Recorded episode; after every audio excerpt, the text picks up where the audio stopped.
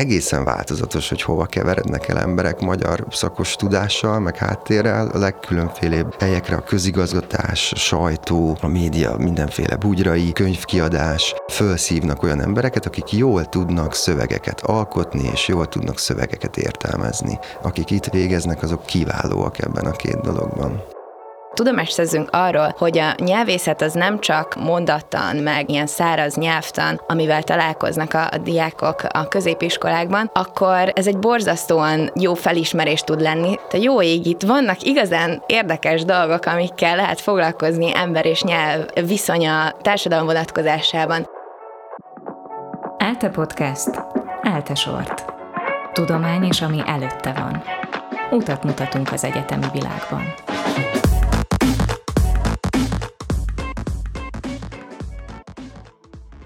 Sziasztok! Ez itt az Eltesort. Én Balázs Dóri vagyok, és itt van velem állandó műsorvezető társam Jamriskó Tamás is. Szia Tamás! Sziasztok! Ebben az adásban újra a BTK-ról fogunk beszélgetni, és szívemnek nem kevésbé kedves témáról, mint a magyar szakról. Én magam is magyar szakra jártam, úgyhogy ez nekem egy kicsit ilyen hazai pálya is. Te Dóri, miért választottad annak idején a magyar szakot? Hát alapvetően én nagyon humán beállítottságú voltam mindig is, tehát körülbelül 7 éves korom óta toltak mindenféle prózamondó és szavaló versenyekre, szakre, tehát hogy ez volt az kiinduló pont. És amikor én elkezdtem a kommunikáció szakra járni, akkor abban az évben derült ki, hogy nem indulhat egy szakos képzésként a kommunikáció szak, fel kell mellé venni vagy a magyar szakot, vagy az informatikus könyvtárost. Ez utóbbiról nem tudtam, hogy mi fánterem, úgyhogy így eléggé egyértelműen adta magát a magyar szak, és azt gondolom, hogy egy nagyon jó párosítás volt, hiszen a kommunikációs az gyakorlatilag kifelé adja magából a szép dolgokat, a magyar szakos pedig be befogadja, úgyhogy ez a kettő ez így nagyon jól kiegészítette egymást. Na és hát a magyar szakról fogunk itt ebben az epizódban beszélgetni itt az ELTE BTK-n, és itt van velünk a stúdióban Bárt János, a magyar nyelvtörténeti, szociolingvisztikai, dialektológiai tanszék adjunktusa. Szia János! Sziasztok! Illetve elhívtuk szintén Cirfusz Viktóriát, harmadik évfolyamos magyar szakos hallgatót. Szia Viki! Sziasztok! János, miért választja ma valaki a magyar szakot, hogyha nem azért, mert a kommunikáció mellé kell választani valamit párnak? Ez a ELTE BTK magyar szak az az egyik legnagyobb a karon, és egyébként talán a legnagyobb magyar szak az országban, úgyhogy általánosságokat mondani róla nagyon nehéz lesz. A benyomásaimat tudom felidézni, mert első éves hallgatókat is sokszor tanítok egy nyelvészeti proszeminárium nevű órán, ahol bevezetjük őket a nyelvészeti stúdiumokba, és az első alkalommal én meg szoktam kérdezni gonosz módon tőlük, hogy miért jöttek az egyetemre. Egyébként azt is, hogy hova valósiak, mert érdekel, hogy találkoztak-e már nyelvjárási beszélők kérdésekkel, de amikor ezt felteszem, ezt az első kérdést, akkor hát sokféle dolgot válaszolnak, leginkább az irodalom szeretete az, ami a legtöbbeket idehozza. Sokaknál az is felmerül, hogy ők maguk is művelni szeretnék az irodalmat, tehát költők, írók, vagy azzá szeretnének válni, és még mélyebben az irodalomban el szeretnének mélyedni. Az ritkább, hogy valakit a nyelvészet érdekel, ez is előfordul persze néha, és talán egyébként a leggyakoribb az, hogy szerettem a magyar nyelv és irodalmat gimnáziumban, és nem tudtam hova menjek, majd itt kiderül, hogy mi lesz ez az egész. Tehát 18 évesen még nem tudja tökéletesen az ember, hogy mi akar lenni. Ez egyébként nálam is így volt, kiváló magyar tanárnőm volt, és az ő hatására a magyar szakot választottam. Egyébként mennyien járnak most ide az eltér a magyar szakra? Többféle képzésünk van, és a sima alapképzés, tehát ez az úgynevezett BA képzés, az jelenleg körülbelül körülbelül 80 ember évfolyamonként, és az osztatlan tanári, tehát a, a tanárképzés, az pedig körülbelül 110 ember évfolyamonként. Tehát a kampuszon körülbelül 750-800 magyar szakos szaladgál nap, mint nap. Az egy igazán szép szám. Viki, te miért választottad a magyar szakot? Én is abba a kategóriába tartoztam, hogy nagyon szerettem középiskolában a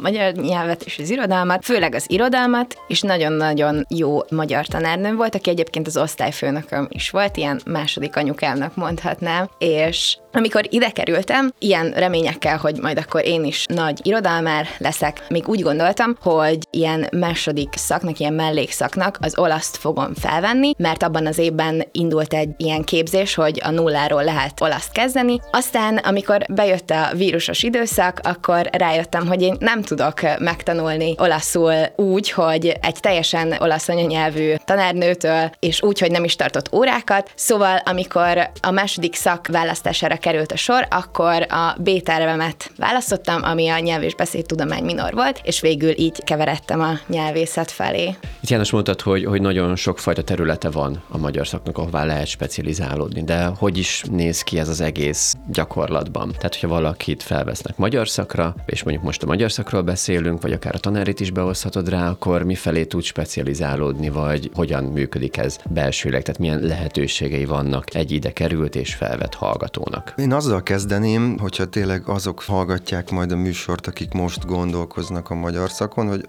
alapvetően mi az, ami itt van, olvasni kell, nagyon sokat kell olvasni, és nagyon mélyen megismerkedni a magyar és világirodalommal, és megismerkedni a nyelvhasználat, nyelvleírás legkülönfélébb kérdéseivel. Tehát ebből mindenki kap egy nagy szeletet, még a BA képzésen is, és ugyanannyira fontos, hogy a tanárok is nagyon magas szintű tudományos háttérrel induljanak neki a munkájuknak, nem csak tanítás, módszertani, pedagógiai ismeretekkel. Tehát ez az alap, és akkor ha valaki aki valóban odafigyelően és érdeklődően és nyitottan jár különféle órákra, előbb-utóbb valami meg is tetszik neki, akkor elindulhat nagyon sokféle irányba. Erre büszkén mondhatjuk, hogy szerintem a, az ELTE BTK nagyon sok irányú lehetőség van. Csak példákat tudok sorolni, mert estig sorolhatnám, de specializációból van a magyar szakon belül például irodalomtudomány, művelődéstudomány, különféle finnugor nyelvek, észt, finn, illetve maga a finnugor nyelvészet, és nyelvészeti témák, mint a nyelvmentor képzés, ez egy tulajdonképpen alkalmazott nyelvészet alapképzés, illetve még olyan gyakorlati dolgok is, mint az ügyvitel és a szerkesztői ismeretek, ami már a legkülönfélébb céges működés, vagy a könyvkiadók, vagy a sajtó felé tereli a diákokat, és olyan tapasztalatokat szerezhetnek, amiket tényleg a gyakorlati munkában hasznosítani tudnak.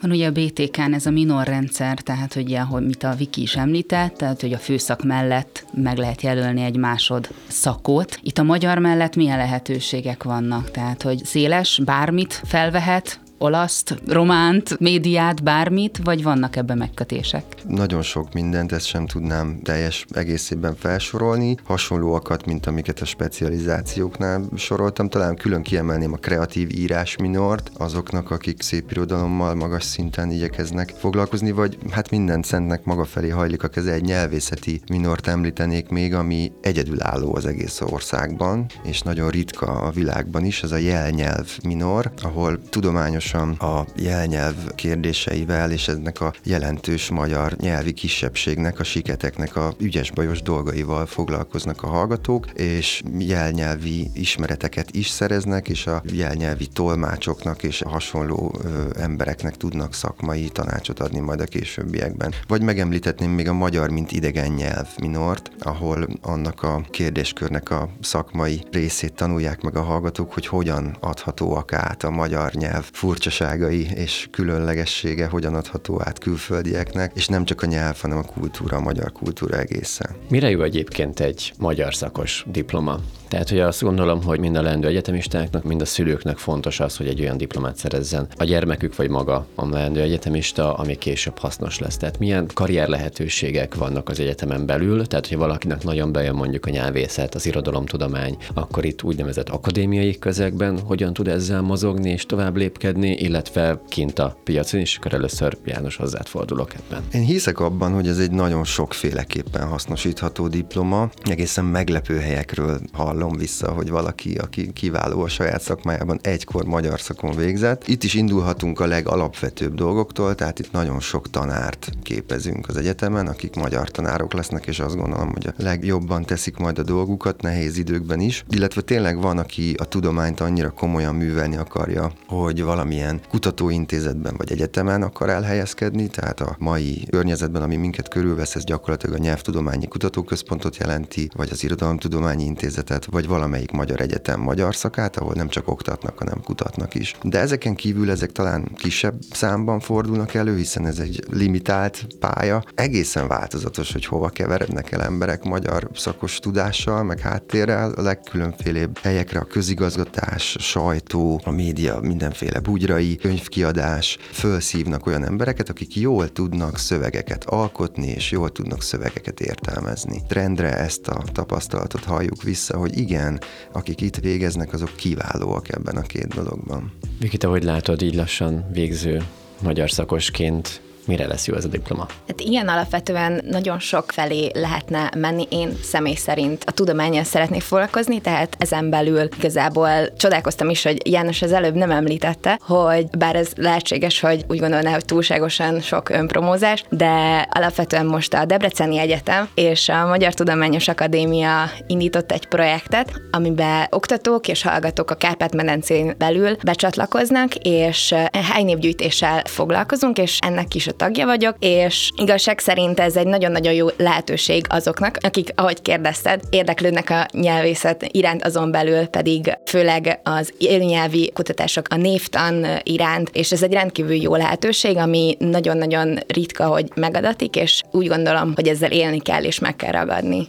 És egy kicsit beszéljünk az egyetemi életről, hogy milyen egy ilyen nagy szakon egyetemistának lenni, milyen a hangulat magán a bölcsészkaron, a magyar szakon, mert azért, ahogy említettétek, vagy a János említette, ti ugye egy viszonylag nagy szak vagytok eléggé nagy létszámmal. Vannak ettől függetlenül azért nyilván gondolom barátságok, vagy bármilyen program, lehetőség, amin részt tudnak venni a hallgatók? Hogyne, nagyon, ahhoz képest az egy nagy szak, szerintem megvan mindenkinek a lehetősége, hogy barátságokat kössön, és ehhez meg is vannak teremtve helyzetek. A kar legszebb arcát szerintem tavasszal mutatja, amikor a kampuszon itt Budapest kellős közepén általában a zöld fűbe ücsörögnek nagyon sokan, tavaly óta babzsákokon ücsörögnek, és beszélgetnek egymással, vagy itt az egyik udvar részen található kávézóban ülnek, és folyton itt vannak. Tehát szerintem ez egy jó jel. A hallgatói önkormányzat megrendezi természetesen azokat a rendezvényeit, ahol még a félénkebbek is tudnak ismeretségeket kötni, a gólyatábortól fesztiváltól kezdve mindenféle fesztiválokig, illetve a szakon belül ugye a legtöbbször ezt is lehet, hogy nem tudja elképzelni egy középiskolás, nem több százfős előadókban üldögélnek a hallgatók, hanem szemináriumokon 10-15 fős kiscsoportos gyakorlati foglalkozásokon, ahol akarva akaratlan is megismerkednek a mellettük ülőkkel, közvetlenül valamilyen feladat miatt, amit esetleg közös munkában kell elvégezni, vagy jegyzetet kell cserélni, de erről már inkább a diákok beszélnek, tehát megszületnek ezek az ismerettségek. Az jutott elsőre eszembe, hogy tavaly egy nyaraláson, 40 év környékén egy tűz körül ültem 15 emberrel, és már azon kellett gondolkozni, hogy honnan is vagyunk mi olyan régi barátok, és egyszer csak fölfejtettük, hogy igen, te 2000 magyar szak, nem a kezdéséve 2002, te 2004, valahogy mindenki a magyar szakról jött, csak különböző időkben, de, de valahogy összesodort minket a szél, és, és 15-20 éve barátok vagyunk. Viki, milyen itt az egyetemi élet? Hogy látod belülről? Ez egyébként nagyon érdekes, amit János mondott, mert nekem nagyon-nagyon nem így alakultak a barátságaim, ahogy felvázolta. Tehát, hogy én például személy szerint az első fél évenben nem tudtam barátságokat kötni senkivel, szóval igazából, hogyha valaki ezzel problémája van, hogy nem tud oda menni emberekhez, nehezebben tud szocializálódni csak úgy a semmiből, akkor nem kell aggódnia, mert én például például úgy szereztem a legjobb barátaimat és ismerettségeket, hogy egy úgynevezett diákműhelybe, az élőnyelvi diákműhelybe csatlakoztam, amit János vezet egyébként, és egy annyira jó közösség alakult ki, hogy egyszerűen igényünk van mondjuk minden héten szerdánként találkozni, beszélgetni, nem csak szakmai, hanem ilyen személyes dolgokról is, és nekem ez adta úgy igazán az egyetemi életet, vagy így az egyetemi közösségemet. Én azt hiszem, hogy tehát nem tudunk megmaradni egyetemi kereteken belül, ha erről beszélünk, ez nyilvánvalóan ez a koronavírus korszaknak egy erős hatás, amit én is láttam az előbb talán ilyen kicsit túl fellengzősen fogalmaztam. Ezt igen, ezt valóban lehetett látni, hogy azokban az években, amikor online oktatás volt, akkor a többség nem tudta megteremteni ezeket a természetesen alakuló kapcsolatokat, és én is érzékeltem azt a kitörő örömet, ahol valami történik egy, egy műhelyben, egy valamilyen projektben, vagy tudományos kutatócsoportban, amiben diákok is csatlakoznak, hogy végre együtt lehetünk és beszélgethetünk egymással, úgyhogy kicsit már-már furcsárva néztem, ahogy a, egymást összekarolva, ölelkezve üdvözlik a hallgatóim, mert annyira örülnek egymásnak, hogy együtt lehetnek. Én azt látom rajtatok is, meg ez azért szerintem egy, itt az eltén is egy eléggé gyakran tetten érhető történet, hogy tanárok, diákok is eléggé jó viszonyba tudnak kerülni egymással. Ez is egyébként egy olyan dolog, ami szerintem mondjuk egy középiskolásnak így első blikre még furcsa lehet, hisz ott ugye azért ez a hierarchikus viszony még sokkal inkább tetten érhető. Ez azért általánosnak mondható, félig meddig kérdezem is, hogy itt a BTK-n, vagy akár a magyar szakon tényleg egy ilyen jó millió uralkodik, ahol baráti viszony is kialakulhat akár tanárdiák között. Látunk erre példákat szerintem azoknál különösen, akik érdeklődnek egy adott terület iránt. Ennek egy jó terepe az imént említett TDK, ez a Tudományos Diákkör, annak ezek az al egységei, a műhelyek. Kollégáim körül is látom azokat, akik egy kicsit többet akarnak tudni egy témáról, mint ami a kötelező, és az persze, hogy együtt jár azzal, hogy sokat beszélgetnek, és közelebbről megismerkednek, és akár barátságok köttetnek itt. Ez egy nyitott hely, tehát itt, hogyha összefűz minket valami, a közös érdeklődés, akkor éjjel-nappal arról akarunk beszélgetni a diákjainkkal. Mert sokat beszéltetek a nyelvészetről. Mi a szép benne? Ti miért szeretitek? Miért érdemes nyelvészettel foglalkozni? Én, hogyha én kezdhetem, akkor én azt mondanám, hogy különösen azok a területei, megint lábjegyzeteket kell felütnöm itt szóban, hiszen annyiféle terület van itt a bölcsészkaron is, de különösen azok a területei, amiket én is művelek vagy oktatok, azok nagyon közel vannak az emberhez, azok nagyon sok mindent hordoznak, ami igazából nem pusztán nyelvészeti kérdés, hanem társadalmi kérdés, vagy történelmi kérdés. Tehát jobban meg tudjuk ezen keresztül érteni a világot. Hogyha valamilyen nagy szép dolgot akarok mondani, egyébként általában ezt a legnehezebb nehezebb megfogalmazni. Miért? Az Pontosan. érdekel minket, ami érdekel. Engem a kezdetektől, amikor még egyébként a régi magyar irodalom érdekelt egyetemista koromban, abban is talán ez a filológia rész, azóta is mindig lelkesedéssel töltött el, hogyha egy egészen apró kérdésről, ami lehet, hogy másnak szinte már mulatságos, de én tudom a legtöbbet a világon. Tehát ez annyira jó érzés, hogy erről én nagyon sokat tudok most, és olyan könyveket nyitok ki, amit lehet, hogy száz éve nem nyitott ki senki. Hogy ez majd mire lesz jó az embereknek, arról is uh, talán beszél beszélhetünk, tehát itt, itt nagyon sok példát mondhatnék, amit a kollégáim művelnek, foglalkoznak fonetikus kollégáim olyan kérdésekkel, amik emberek életében, a betegségeik ügyében is hatalmas változást hozhatnak, de akár azt is mondhatnám, hogy mi foglalkozunk különféle nyelvváltozatokkal, előítéletekkel, egyebekkel, amik nélkül könnyebb lenne az emberek élete. Tehát, hogy ez nem csak egy száraz könyvszagú dolog, hanem ott van benne az élet. Engem is abszolút ez fogott meg, tehát amikor valaki ide kerül az egyetemre, és van a fejében valami arról, hogy mi is az, amivel mondjuk egy nyelvész foglalkozik, akkor nagyon sokszor azt vettem észre magamon is, illetve másokon is, hogy amikor mondjuk meghalljuk, vagy tudomást szerzünk arról, hogy a nyelvészet az nem csak mondattan, meg ilyen száraz nyelvtan, amivel találkoznak a, diákok a középiskolákban, akkor ez egy borzasztóan jó felismerés tud lenni, számomra legalábbis az volt, hogy te jó ég, itt vannak igazán érdekes dolgok, amikkel lehet foglalkozni, foglalkozni ember és nyelv viszonya társadalom vonatkozásában. Borzasztóan érdekes, legalábbis számomra, és tényleg nagyon nehéz megfogalmazni, hogy igazán miért is szeretem. Nagyon sokat tudnék róla beszélni, és ez egy olyan dolog, ami egyszerűen ilyen teljes odaadással lehet csak elmondani és, és művelni.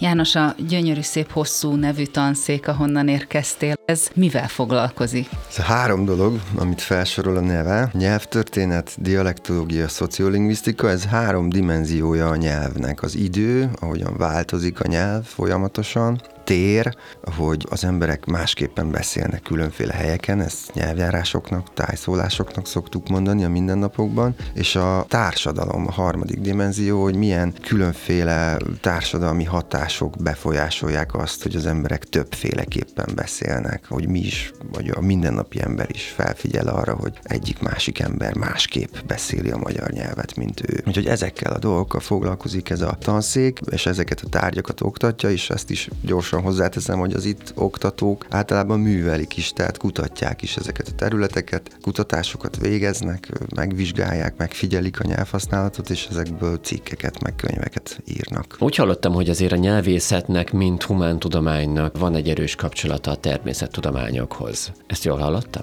Igen, ez egy nagyon érdekes dolog, szerintem nem egyértelmű azok számára, akik kívülről nézik, kívülről jönnek. Sokkal több a kapcsolata, mint például az irodalomtudománynak, hiszen egyes területei empirikus jellegűek, ez azt jelenti, hogy a valós élő nyelvhasználatból vonnak le következtetéseket, tehát a nyelvész oda megy, meghallgatja, felveszi, megszámolja, statisztikát készít, és így tovább. Több területről is mondhatnék példákat. A fonetika alkalmazott nyelvészet tanszéken dolgozó kollégáim valóban kísérleteket végeznek, emberek nyelvére ragasztanak tappancsokat, és megnézik, hogy hogyan mozog az ő nyelvük a szájukban. Mi pedig a dialektológia, a nyelvjáráskutatás vagy a szociolingvisztika témáiban felvételeket készítünk emberekkel, kérdőíveket készítünk, interjúkat csinálunk, és meghallgatjuk, hogy ők hogyan beszélnek, és ezekből próbálunk okos következtetéseket levonni. Tehát ez emlékeztet arra, hogy sok természettudomány működik, enélkül nem lenne hiteles az, amit a nyelvhasználatról mondunk.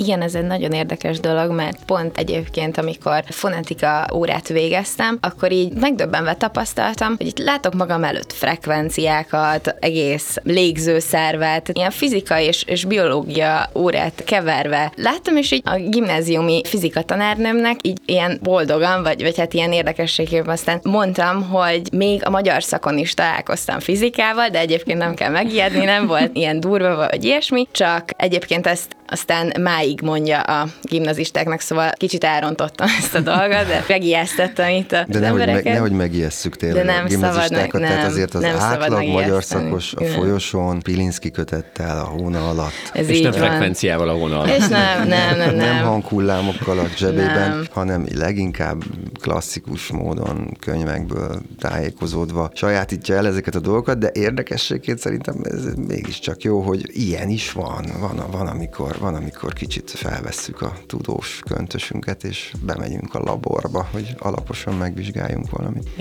Hát tódulnak föl nekem is az emlékek egyébként az ilyen nyelvjárásgyűjtésről és egyebekről. Ez nektek is egy kiemelten kedves terület, azt mondtátok. Nem emlékszem, minket egyszer zavartak el így ki a vidékre, hogy na, akkor most akkor keressük meg Marinénit a bolt előtt, és kérjünk tőle interjút. Mindenkinek az volt a legnagyobb problémája, jó, jó, de hát, hogy így miről beszéltessük a kedves Marinénit. Hogy néz ki a ti esetetekben egy ilyen nyelvjárás gyűjtéses kirándulás? Igen, ez a téma, ez nem része már a nagy mértékben a kötelező tananyagnak, tehát azok találkoznak vele, akik valamilyen módon specializálódnak, de a lehetőségét, milyen fakultatívan, azt meghagytuk, hogy a diákok eljöhetnek minden fél évben egyszer egy nagy kirándulásra, tanulmányútra, ahol ennek a lehetőségét is megteremtjük, hogy kis csoportokba szétszóródva beszélgessenek emberekkel, akik nagy eséllyel nyelvjárási beszélők. Ezt olyan helyeken tudjuk megtenni, ahol ez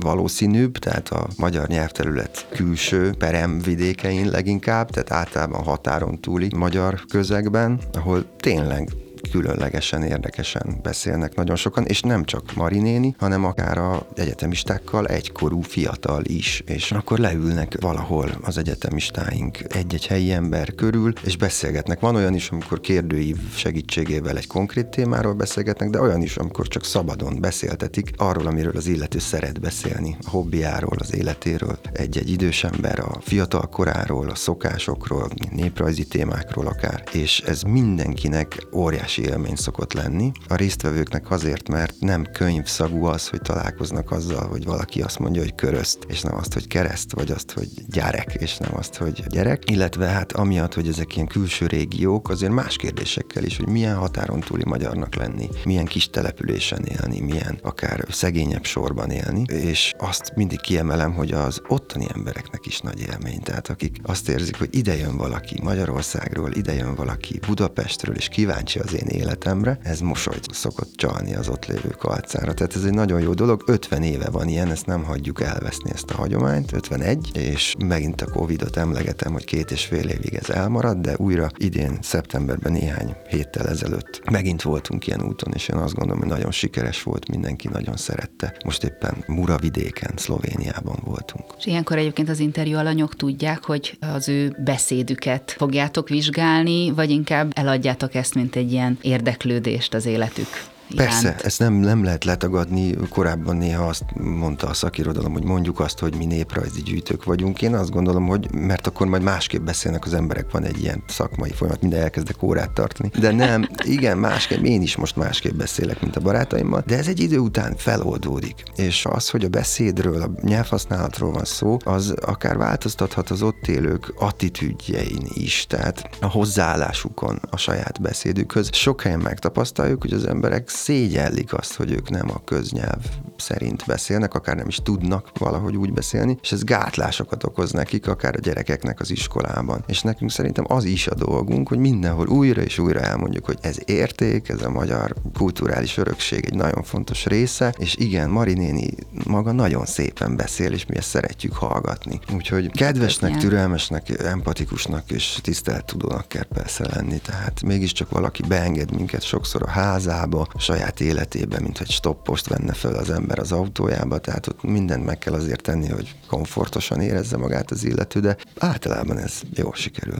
Viki, ez belülről egyetemi hallgatóként milyen? Alapvetően ahogy János is említette, sajnos a vírus miatt nekem nagyon-nagyon sok ilyen lehetőség kimaradt, hogy mássak nyelvéres gyűjtésre. Cserébe viszont az áépület második emeleti folyosójára készítettünk egy kiállítást az elmúlt 50 év képeiből, ilyen montázsokat, különböző témakörökben, és miközben a képeket válogattuk, nagyon-nagyon sok munka volt vele egyébként, több ezer képet így átnézni. Közben János folyamatosan sztorizgatott az elmúlt évek nyelvéres gyűjtéseiről, és akkor így egyszerűen folyamatosan fájdítottuk a szívünket, hogy mi is akarunk már menni, egyszerűen annyira vártuk a szeptemberi gyűjtést, amit végül félig meddig, mivel műhelyesek voltunk, így segítettünk szervezni, és így belülről, hát egyszerűen fantasztikus élmény volt. Tehát tényleg maga egyébként a vidék is nagyon szép, tehát ez a térség, őrség egyszerűen ilyen csodálatos természeti kincseket rejt, és ez is így megadta a hangulatát. Igaz, kicsit esős, hideg, nyírkos volt ez idő, de abszolút nem szekte kedvünket, és nagyon-nagyon jó és maradandó élményeket gyűjtöttünk, és már tükönőbe várjuk a következő tavasszal. És egyébként így, hogy már ismered jó ideje, milyen tanár János? A tanszékről alapvetően el kell mondani, legalábbis a saját tapasztalataim alapján, hogy rendkívül empatikus és nagyon-nagyon kedves emberek oktatnak, oktattak engem is. János kiemelkedően egy ilyen személyiség, nagyon érdekes órákat tart, és abszolút megfogott az előadás módjával, és hát így behúzott ebbe az egész nyelvészet dologba. Szóval én tényleg csak jót tudok mondani róla, nem is mondhatok rosszat természetesen. Szóval... Még nem kaptad meg a diplomádat, úgyhogy... Még,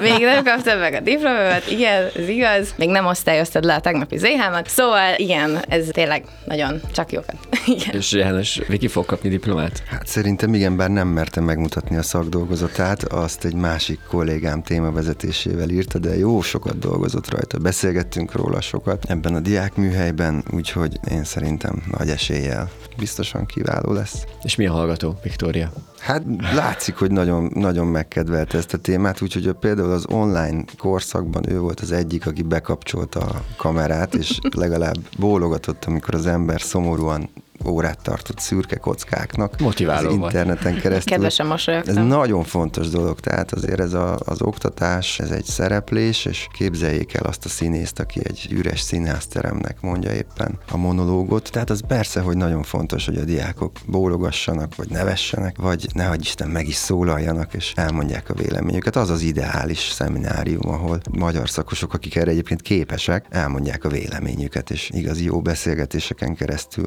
történik igazából az ismeretek átadása. Most már a végéhez közeledünk a beszélgetésnek. Zárszó gyanánt hadd kérdezzem meg mind a kettőtöktől, hogy miért jó így összefoglalva magyar szakosnak lenni, illetve hogy kiknek, kinek ajánlanátok ezt a szakot? Elsősorban azért jó magyar szakosnak lenni, mert egy igazán csodálatos helyen, tehát ezen a kampuszon, ami tényleg egy olyan hangulat, egy olyan atmoszférával rendelkezik, ami egyszerűen már magában rendkívüli és egyedülálló, legalábbis szerintem. Egy olyan közösségben olyan oktatóktól tud hatalmas tudást szerezni, ami egyszerűen az egész életén végig kíséri majd, illetve nem utolsó sorban tényleg életre szóló barátságokat lehet kötni, mind szakmai, mind emberi szempontból rendkívül értékes embereket lehet megismerni. János? Talán azért jó magyar szakosnak lenni, mert nagyon-nagyon magas szinten meg lehet ismerkedni a, az irodalommal, és ezt úgy lehet tenni, én azt gondolom, hogy ide olvasni szerető emberek járnak, hogy azt csináljuk, amit szeretünk, olvasunk, és közben beszélgetünk olyan emberekkel, akiknek hasonló az érdeklődése. És az évek során olyan dolgokat sajátítunk el,